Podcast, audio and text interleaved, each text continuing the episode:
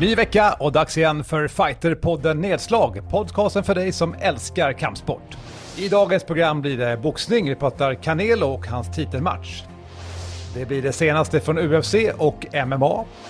Och sen diskuterar vi vad kan man se på Fight Pass i framtiden. Detta och mycket mer i Fighterpodden Nedslag. Än en gång då, varmt välkommen till Fighterpodden Nedslag. Eh, Idag när vi spelar in så är det onsdagen den 24 februari.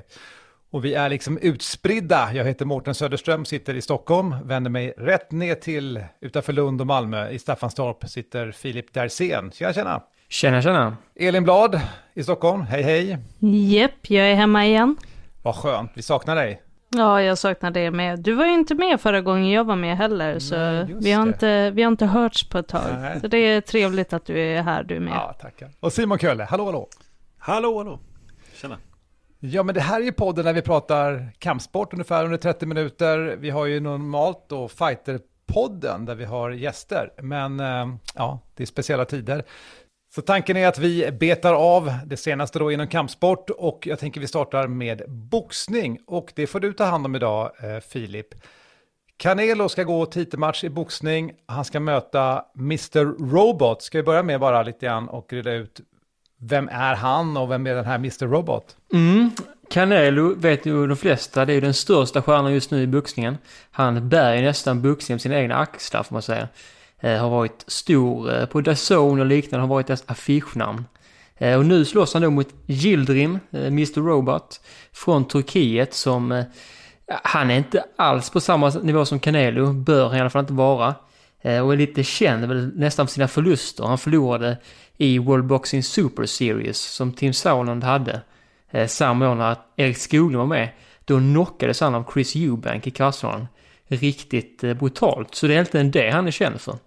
Ehm, så att, ehm, jag vet inte, har ni andra någon koll på gildrim och sådär? Eller det är just för hans förluster kanske?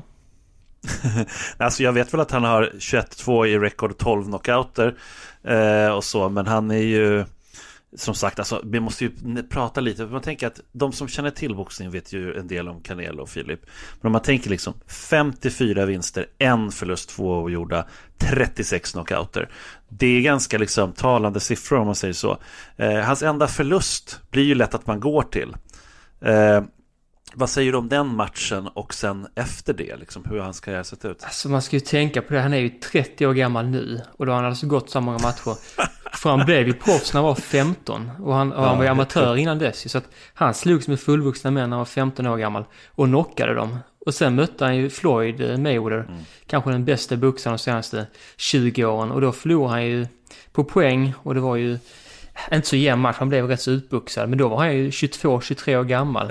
Så att det är ju en eh, tuff eh, karriärsbana han haft. Men sen därefter, 2013, då har han fightats två gånger per år, varje gång. Och så han fightas ju alltid när de har sina eh, Cinco de Mayo, har de i maj, eh, Mexiko. Så han fightas alltid på deras två högtider.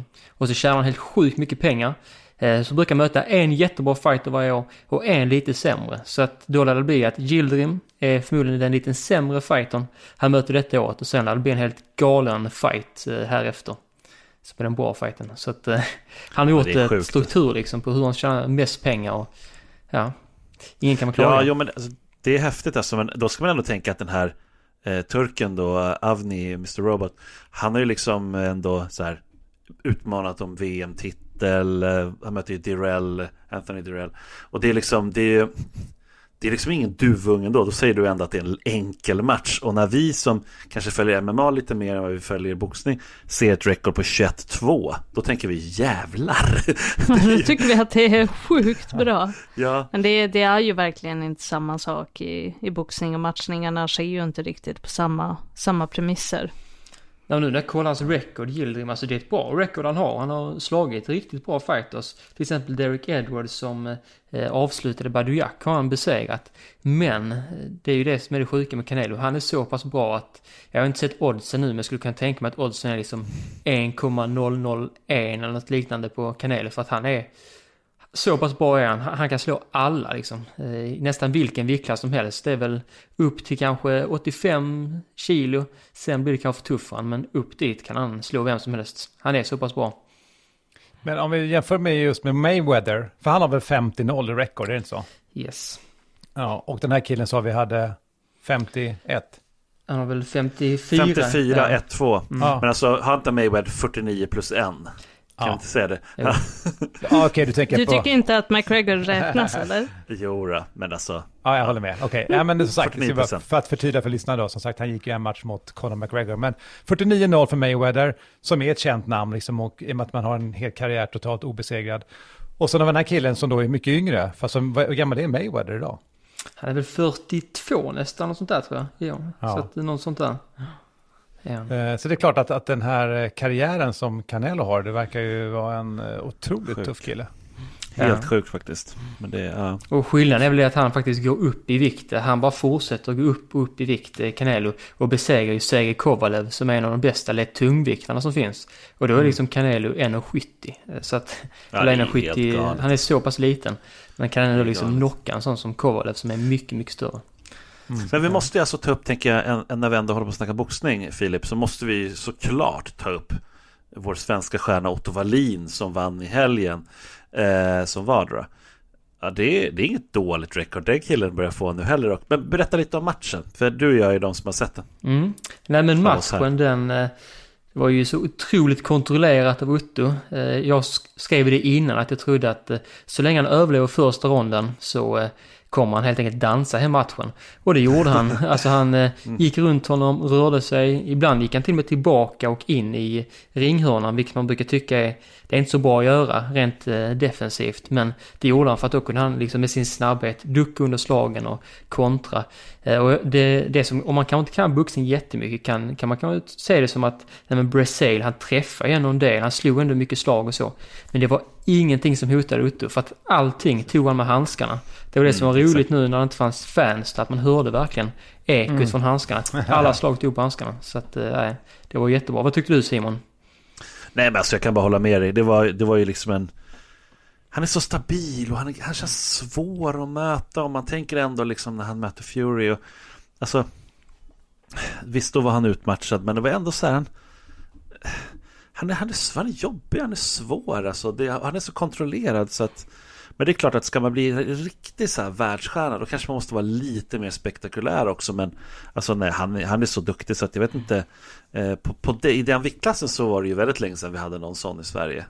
Eller hur? Det är väl Dan, Danmark som har haft någon. Ja, liksom. det är ju, det är ju länge som jag såg att han gick upp nu, eh, topp eh, top 25 i världen är han nu enligt Boxrec. Så att eh, nu kan vi börja få de riktigt bra matcherna. Men sen är det ju det som eh, i Rocky-filmerna alltid pratar om, Southpaw. När man står fram med att Ja, man ja, jabbar med exakt. högern. Det är det han gör ju. Så att det, är- det är rätt svårt att möta en sån boxare. Så att eh, ja, han har många fördelar. Faktiskt. Och vad tror vi är nästa match för Otto Wallin då? Alltså han kan möta, det är så många olika namn, men jag hade velat se honom mot en eh, ukrainare som eh, var cruiserviktmästare innan. Eh, Alexander Usyk hade jag velat se honom mot, som är en världsstjärna, eh, fast är lite mindre än Otto. Eh, så att det hade varit en hade han vunnit den matchen hade han gått upp direkt och kunnat utmana om VM-titlar. Så att eh, den hade jag velat se. Mm. Kul. Ja, spännande. Och eh, Canelo-matchen, när är den och var utspelar den sig? Den är på lördag, eh, på DAZN sänds den på lördag natt och eh, den är faktiskt på Miami, en stor arena i Miami. Så jag tror till och med att det är publik faktiskt. Jag vet inte riktigt hur det är. Ja. jävlar. Det var inte du med när vi pratade om eh, Mike Tysons match, Filip. Bara en kort reflektion jag hade, förutom att det där var ju spektakulärt och lite kul och att vi tyckte ändå att Mike Tyson förvånansvärt levererade ändå med tanke på Ja. ja, sin historia. Men eh, det jag lite i chock över var att det var de här mellanakterna, det var bara rapartister. Eh, det var, varenda låt handlade i stort sett om antingen Mariana eller att de ska göra ni vet vad med brudarna. Och, alltså, och extremt sexistiskt liksom. Och eh, jag, jag tänkte så här, det här skulle inte ens kunna sänds i svensk tv. Och det var varenda mellanakt. Vad har hänt, den kulturen, hur har den liksom bara helt kunnat få greppa boxningen? Och hur ser du på det här? Alltså jag tror lite det är generationen Floyd Mayweather. Alltså att det har blivit money, money, money. Har det blivit att allting handlar om pengar. Det handlar inte om hur bra det är. Det handlar om pengar. Och du ska gärna känna rappare. Han kände ju 50 Cent, var man bra kompis med. Sen blev det en feud, en konflikt. Så att, och vi ser YouTube-stjärnor boxas som de leker väl också rappare i någon mån. Så att det blir en kultur av att alla kan gå in och boxas. Du kan vara rappare, du kan vara YouTuber och, och att det blir liksom de här konflikterna och framförallt då att de går in till ringen, går de ofta in med sådana här mm. Lil Wayne och andra rappare. Så att jag gillar inte det alls, så att det känns ju inte alls som en, något klassiskt. Det känns bara som något nytt och påklistrat. Ja, exakt så känns det. Det känns nytt och påklistrat och det känns också jävligt mm. ofräscht. Alltså, jag tycker att det finns mycket bra rapartister, men också oroväckande. Det var eh, så enormt liksom, ja, sexistiskt och eh, dessutom då extremt drogliberalt mm. på en global gala. Men sen skiljer sig mycket, så till exempel Otto Wallin tror jag inte vi kommer att se gå in med liksom Lil Wayne eller liknande i framtiden, utan det är ju de här amerikanska eh, boxarna som ja, anammar detta till fullo. Liksom. Ja. Ja, okej, okay, vi tackar för det nu. Vi går vidare och ska prata MMA.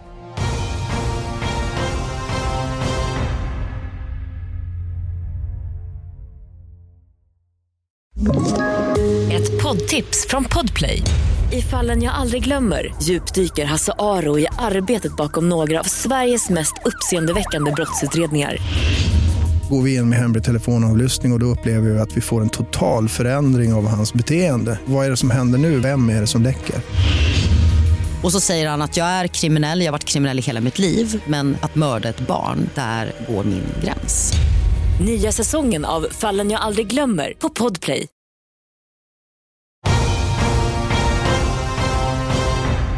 Ja, det var ju tungviktarnas kamp här i helgen i UFC när Blades mötte Lewis. Och vi diskuterade den eh, i förra podden. Vad säger du Simon efter matchen?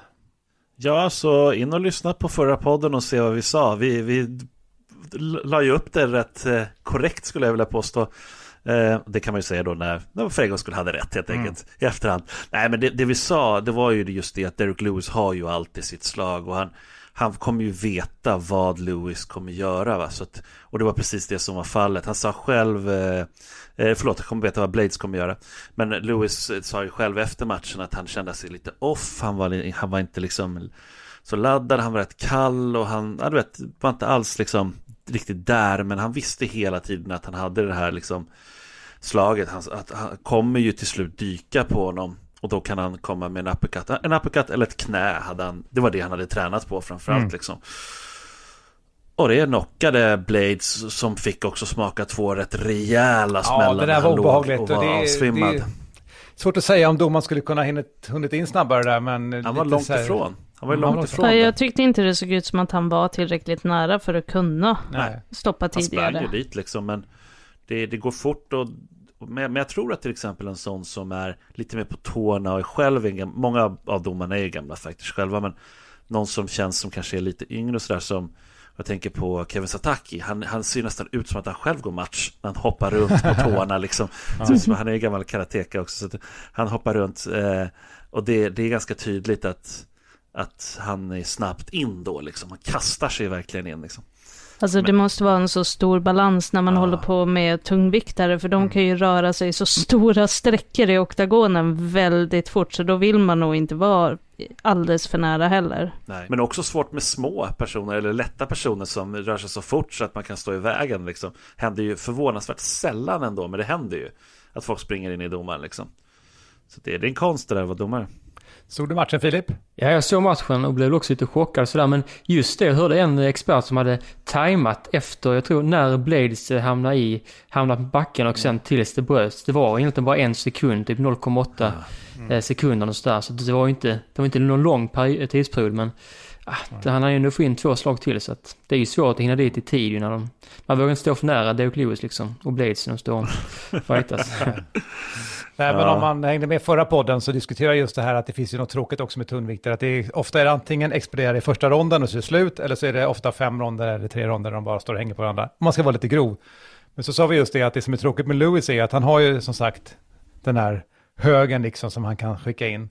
Och eh, samtidigt då som det är väldigt enformigt så är det också otroligt spännande om man ska lyckas klippa in den där jäveln. Mm. Och exakt det hände i den här matchen. Mm. Liksom. Exakt det hände. Det är ju lite så här blink it and you miss-grejen. Ja. För Blade, Blades så... är ju mycket mer teknisk, liksom ja, rörlig, han, han, har mycket mer, han är mycket bredare så här. Förtjänar att vinna, men det är precis det här som är fighting, att ja, fast om det har har några, en liksom masterstroke som du kan sätta. Och det gör ju då Lewis. Och nu har väl han mest knockar av alla, är det inte så? Ja, men jag tror det. Men det, alltså, jag tror också att det är så här att det är i alla fall så i MMA. Och det, det är en av de stora tjusningarna tycker jag. Mm. Alltså det, det, det liksom och det kan ju ibland, man behöver inte ställa kampsporter mot varandra, men just när det gäller liksom knockout-kampsporter så är det just så där att det, det, är klart att det absolut kan hända i boxningen också. Helt plötsligt i nionde ronden så får någon in en, en rejäl smäll. Men, men det är någonting med det här med liksom tunna handskar och att det finns olika sätt att vinna på. Mm. Får jag bara säga, men en grej jag tyckte var intressant faktiskt, det var ju att Lewis ändå hade bra nedtagningsförsvar. Ja, ja, men det, ja, absolut. Jo, men, men tänk dig att det var ändå så, det är svårt, alltså han är så stor och det är svårt och han har fått öva på typ alla hela tiden. Så att, jag menar, Ilir fick ändå ner honom. Ja. Det fick han. Så att jag tror att eh, Blades eh, borde kunna få ner Lewis liksom. Och det var väl det alla såg framför sig att han skulle kunna göra. Men, mm. men Blades måste ju titta på också att han, in, att han inte blir liksom en one trick pony. Eh, men jag kommer ihåg när, när jag spelade liksom UFC-spelet så var ju Blades en galen karaktär. Alltså han var ju helt, alltså hans stats var helt sjuka alltså. Och det är för att han är så allround, han är så, så pass grym liksom och bra tekniskt. Men coachning och förberedelse, alltså det är jätteviktigt. Och ja. så, så att det, han har lite att tänka på tycker jag.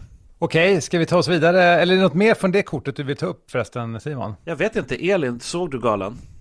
Ja, det gjorde jag. Och alltså egentligen den matchen jag tyckte var bäst var den mellan, alltså intressemässigt var mellan Charles Rosa och Derek Minner. Mm, mm. Det, det var ju en väldigt markbaserad match. Ja. Det, var, det, var, inte mycket stående, men båda var väldigt duktiga grapplers. Ja, så det, det, det, det, hände så jäkla mycket hela tiden och det var mycket submission-försök och det, det var flera gånger där det faktiskt såg ut som att det skulle kunna avsluta. Så den, den var väldigt spännande. Mm.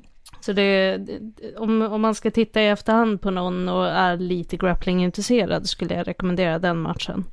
Ska vi inte säga hur den slutar då?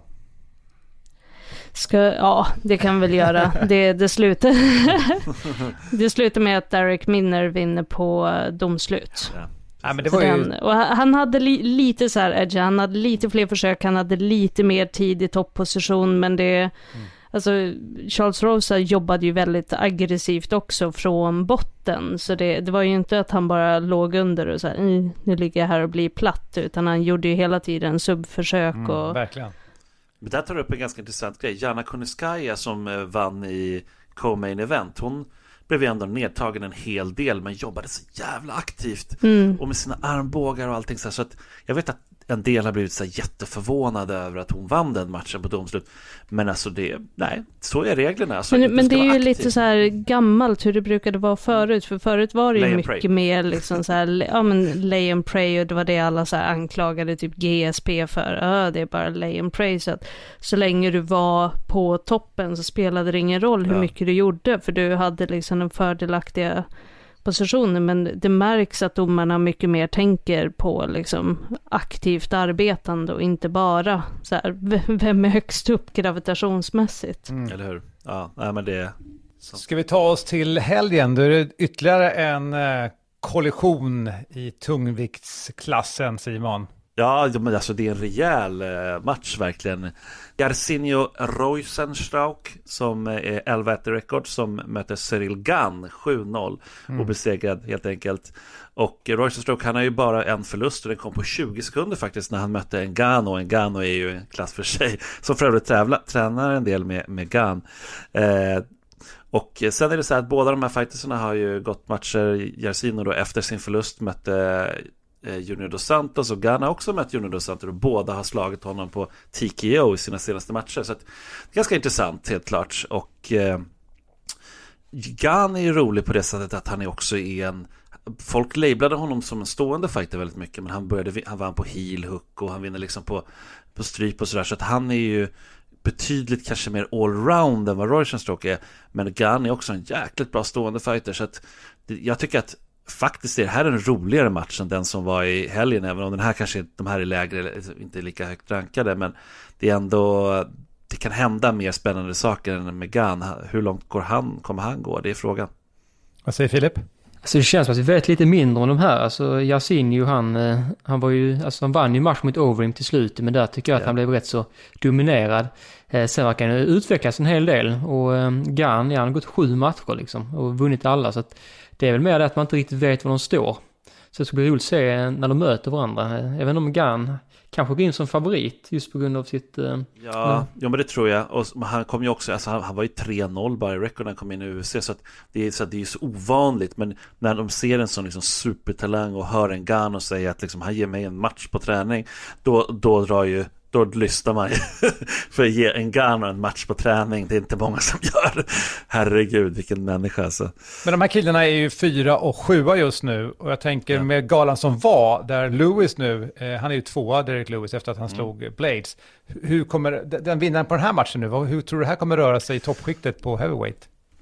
Alltså det är väldigt intressant. Eh, det ser ut som att Stipe kommer möta en Gano eh, igen då och, det, och då är det ju Curtis Blades som står utan match då, Derek Lewis också. Det är ju, Derek Lewis har ju nyligen kommit in som tvåa så att det är ju de som, alltså det är egentligen kampen om vem som får möta liksom Derek Lewis. Det, det blir det ju lite grann såklart eh, det här. Men, eh, men sen å andra sidan finns ju Volkov har ju slagit Derek Lewis så att de slår ju liksom varandra lite grann nu. Och det, så det är lite rörigt på så sätt. För vi har ju Stipe som etta, Francis Ngannou tvåa, Derek Lewis trea. Eller, och sen är det Curtis Blades, Rosenstoke, Volkov, Alistair Overeem och sen är det va. Så att det är ju ehm, Det är ganska, alltså det ovanligt spännande. Sen får vi också tänka på en sak, vilket är väldigt viktigt. John Jones kommer komma till Ah, vad säger Så Filip? det blir intressant. Vad säger Filip?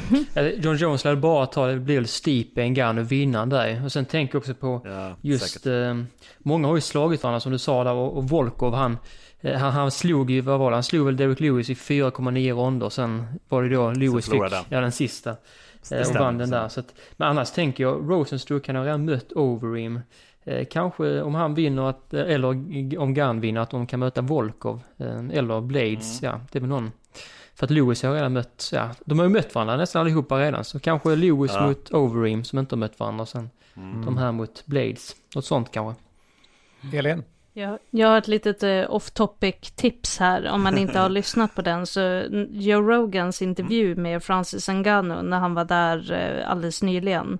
Det var ett fantastiskt fint avsnitt. Alltså, om, man, om man tror att eh, Ngannou är någon slags meathead som bara har kommit för att slåss i UFC. Alltså, han, han verkar vara en extremt intelligent människa som har en väldigt spännande livshistoria. Så lyssna på det avsnittet om ni inte har gjort det. Ja, Cool. härligt. Ja, men Kul. cool. Ja men precis, du har helt rätt Filip. Jag sa fel där. Jag sa ju att Volkov hade slagit Lewis. Men det kändes ju som det för att han vann hela matchen. förutom i slutet. Derek Lewis. Ja. Ja, nej men det, det är ganska spännande ändå faktiskt. Eh, tungviktsdivision just nu. Och så. Och det är, vi får ju se, det är lätta tungvikten är ju också alltså. Den är lite mer så här up in the air nu när Israel Adesanya kommer upp och möter Jan Blauwicz. Så vi får se liksom vart det, vart det här barkar. Det är, det är ganska intressant. Är det någonting mer på kortet i Mm. helgen som du vill ta upp? Ja men det tycker jag. Nikita Krylov eh, är ju alltid intressant. 27-7 rekord. Han är ju vild och galen brukar jag säga. Han vinner ungefär varannan match. Och eh, han slog ju senast Johnny Walker, en annan vild och galen fighter. Eh, och han möter väldigt stabil och svår motståndare i Magomed Ankalaev. Som är 14-1 i rekord. Alltså han har ju vunnit vad är det, här, sex matcher, i- nu fem matcher i rad, så för sex matcher sen så förlorade han och då blev han utdragen med en sekund kvar på matchen. Ja. Herregud. Så att det var verkligen så här sjukt liksom. Det måste Eh. vara det senaste avslutet i någonsin. Jag tror att det typ. finns några som är där någonstans liksom 10 från mellan 10 till en sekund. Alltså, men det är, Ah, ju, shit. det är ju extremt, alltså, för det är ju så att då kanske det nästan är värt att liksom svimma till och med. Alltså, förstår du? Ja, Han satt ju fast där, Paul Craig, i en eh, triangel om jag inte minns fel. Men det är ju, men det är ju väldigt, alltså, den är ganska hög. Alltså, Krylov som sagt, han vinner varannan match liksom, men han kan slå också riktigt bra motståndare. Och Ankalaev, usch, jag vet inte, en- han har en rejäl bakgrund inom sambo och inom sådär, så han riktigt tuff, bra main, alltså co-main skulle jag säga. Riktigt bra. Just Krylov tyckte jag var eh, rätt imponerande sist. eh, För jag var lite sådär osäker på honom. Men eh, han tog verkligen och ja, hanterade Walker på marken. Walker hade ju inte en suck när de väl brottades. Så att, eh, jag vet inte om man kan göra liknande här eller om Ankalaev är för bra för det. Jag vet inte riktigt. Vad tror ni? Ankalaev är nog för bra för det. Alltså, det, det är svårt. Men å andra sidan, alltså Krylov går på avslut. Han är he, alltså, han skiter i det. Men han förlorar, han har förlorat sju matcher. Alltså, han, han är lite så här, eh, han är vild. Men han har ju lugnat sig lite. Och det var det man såg mot, eh, mot när han mötte en ännu vildare och ännu galnare Johnny Walker. Så kunde han kontrollera sig och ta ner honom och liksom ja, det var, det var smart. Det var en ganska smart match. Ja, jag ser fram emot uh, galan i helgen. Jag tycker som sagt att den här... Uh, jag tycker framförallt att main card med tungviktarna är mer spännande än den som var nu i helgen faktiskt. Vi kan väl ta lite övrigt också kring MMA. Vad har du där mm. Simon? Ja men alltså om vi stannar jätte, jättekort i UFC så är det Kamaru Usman som ser ut att möta Jorge Masvidal. Det blir en andra match. Den är inte bokad helt klart men och, eh, alltså, det, och det är folk som gnäller på att den ska, den ska gå av stapeln och Eh, inte med, med Steven Thompson och andra. Men, men det, det vi får se liksom vart, vart vad det kommer leda till. Men det ser ut som att det, det är liksom, apropå money, money, money, så är det the money fight just nu eh, i den divisionen. Så att eh, ja, det ser ut att bli av. Sen om vi tittar mer på svenska sidan då så har vi Andreas Ståhl. Som är en för detta UFC-fighter, 12-4 record. Han kommer gå match i Brave. Mm -hmm. Som ju verkligen är en eh, organisation som trummar på tycker jag. Och de, eh, där kommer han möta en väldigt svår och jobbig motståndare som har vunnit två raka segrar på submission. Han är primärt en grappler. Och det är Ruzi Boev, heter den efternamn den här killen. Eh, Nursulton. Eh, så att eh, 28-8-2 har den här killen i rekord som han möter. Så att Andreas Ståhl, det känns som att Andreas Ståhl alltid får möta sådana enormt svåra fighter. Gilbert Burns i sin debut i UFC och grejer. Alltså det är så här, ja. det, är liksom aldrig, han, får, han är så hypad liksom i grunden Andreas Ståhl och han är så bra så att Ja, så att det blir tufft, men eh, kan han vinna där då, då gör han sig direkt ett namn i Brave skulle jag säga. Ja, fort skulle jag säga att han gör sig ett namn om man gör det. Mm. Man vinner så det är alltså. coolt. Sen har vi Jossan förstås, eller Josefin Lindgren Knutsson. Eh, vad heter hon? Little Thunder va? Ja, vi pratade om det förra, förra podden var det väl, att hennes motståndare hade blivit gripen för, eh, vad var det? Drogförsäljning. Mm. Mm, precis, hon kommer möta Adriana Fusini istället, eh, som är en, eh, hon har gått fyra proffsmatcher, tre vinster, en oavgjord. Och hon är ganska intressant. Jag var tvungen att kolla upp henne lite för att få något grepp om henne. Och det jag kunde se var att hon, hon har gått i, hon har framförallt primärt en kickboxningsbakgrund. Så det är ganska likt det som Jossan har. Jossan ska ju göra sin debut här som ja. proffs liksom. Och det, hon gick i minus 52 och där gick hon 12, hade hon 12-1 i record, eh, Adriana Fusini. Så att det är absolut inte någon dålig stående fighter. Och hon ser ganska grov ut, liksom svårmött. Och har man tre vinster och ingen mm. förlust så, och en oavgjord så, så är det klart att hon har erfarenheten också på sin sida. Det är en tuff första match för Josefin då. Men det är ingen som, annan som vill möta henne. Hon måste Nej. liksom, hon måste... Ja, någon måste man ju ta. Så. Ja, ja, ja, ja, precis. Hon är så hypad liksom så att vi får mm. se. Men då kanske det räcker med tre vinster sen är hon i UFC. Nej, skämt åsido, men det är liksom lite så hon är så pass, liksom, så pass bra. Vad vill du säga Filip, någonting om det? Jag tänkte bara just, det är väl en till italienare, så att de verkar ha, det är där de är och letar efter motståndare i alla fall, åt Jossan. Det kan vara de som accepterar den. Konstigt nog.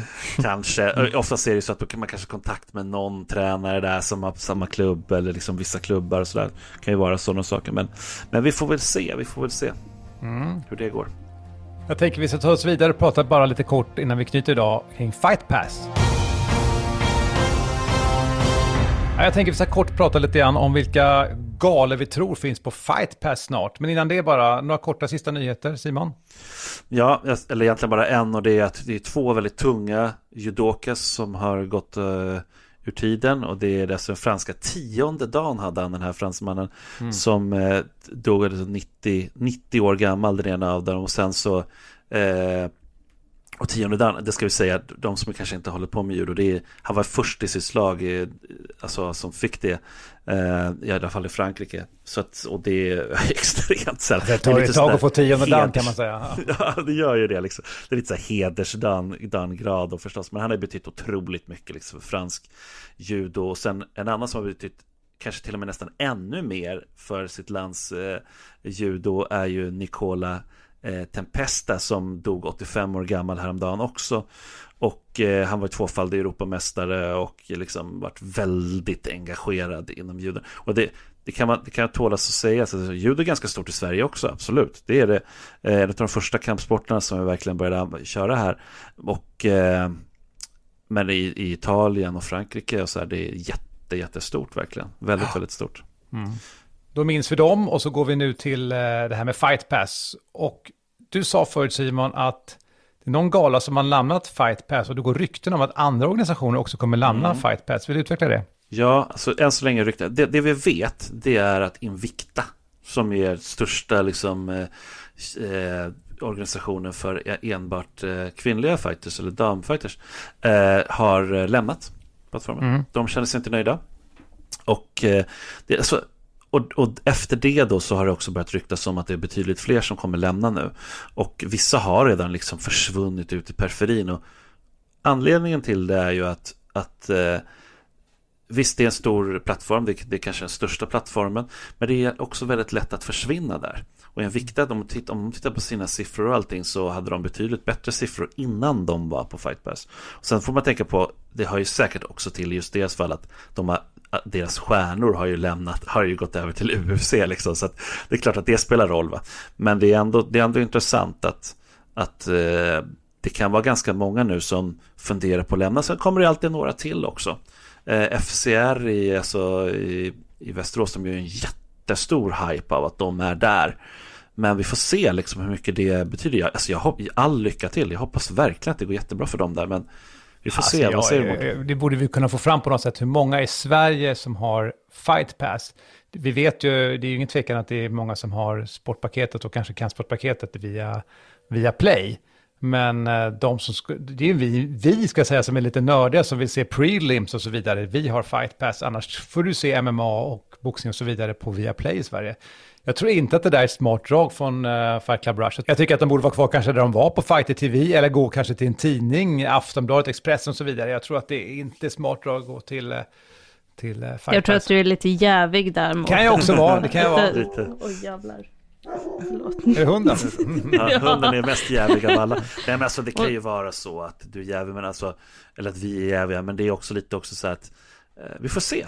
Ja, alltså, som sagt, all lycka till. Alltså, jag hoppas det går bra för dem, men det är jättekul. Men, men det, det, det, det där är väl ganska Men Simon, vad är det de är så, vad är det galna är så missnöjda med? Är det, är det räckvidden att uh, Fight Pass inte promotar dem tillräckligt? Eller vad, vad är det som är problemet? Alltså räckvidden på pappret är ju enorm. Alltså så, att, mm. att du kan nå väldigt bra. Det är jävligt många som har Fight Pass. Så på så sätt är det. Men sen handlar det ju återigen om det här med hur många er som faktiskt ser på det. Eh, och när man måste, du måste ju presentera sånt lite mer i detalj till sponsorer och det. Och då har man kunnat se då att det inte är så jäkla bra. Och då, är, då blir det liksom problem. Då är det så här, ja det är den största plattformen, ja fast, ja, jo. Det är, så här, det är väl jättekul att vara på Aftonbladet men om ingen läser din artikel där så vem bryr sig? Alltså det är lite så det, det, det har gjorts lite sådana här satsningar också, du tar upp tidningar Mårten, alltså så här, från, från massa olika tidningar att visa eller, eller att göra även eh, artiklar och så.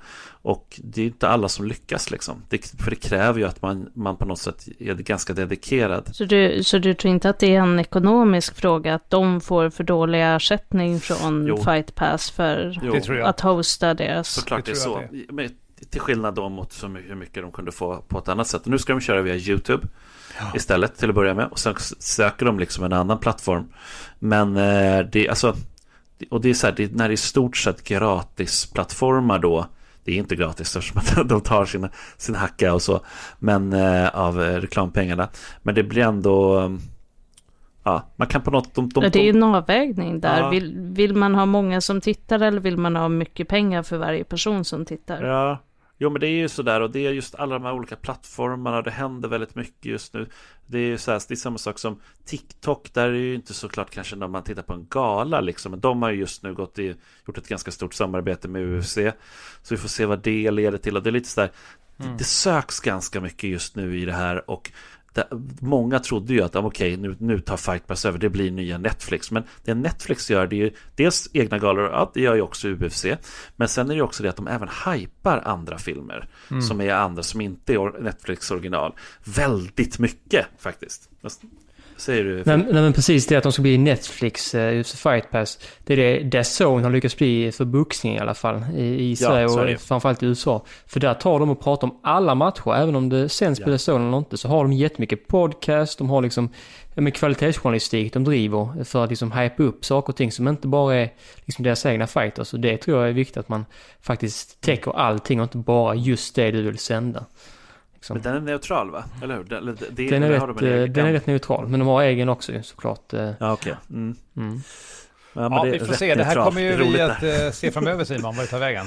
Ja, men vi får se vilka som kommer vara kvar. Det, det, det är intressant alltså, men för några som ändå tror jag har mått väldigt bra av det, det är faktiskt Cage Warriors. De, de känns det som att de, det, de går ut lite som segrare.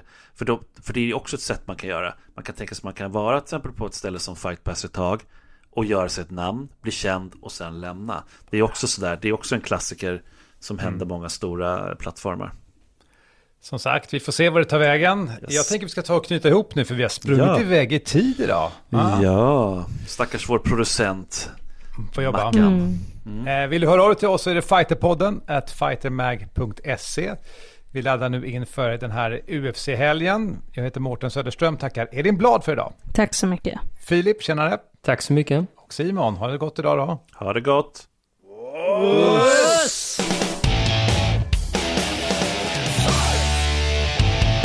Fighterpodden produceras av Suba Media för Radio Play. Ett poddtips från Podplay. I fallen jag aldrig glömmer djupdyker Hasse Aro i arbetet bakom några av Sveriges mest uppseendeväckande brottsutredningar. Går vi in med hemlig telefonavlyssning och, och då upplever vi att vi får en total förändring av hans beteende. Vad är det som händer nu? Vem är det som läcker? Och så säger han att jag är kriminell, jag har varit kriminell i hela mitt liv men att mörda ett barn, där går min gräns. Nya säsongen av Fallen jag aldrig glömmer på Podplay.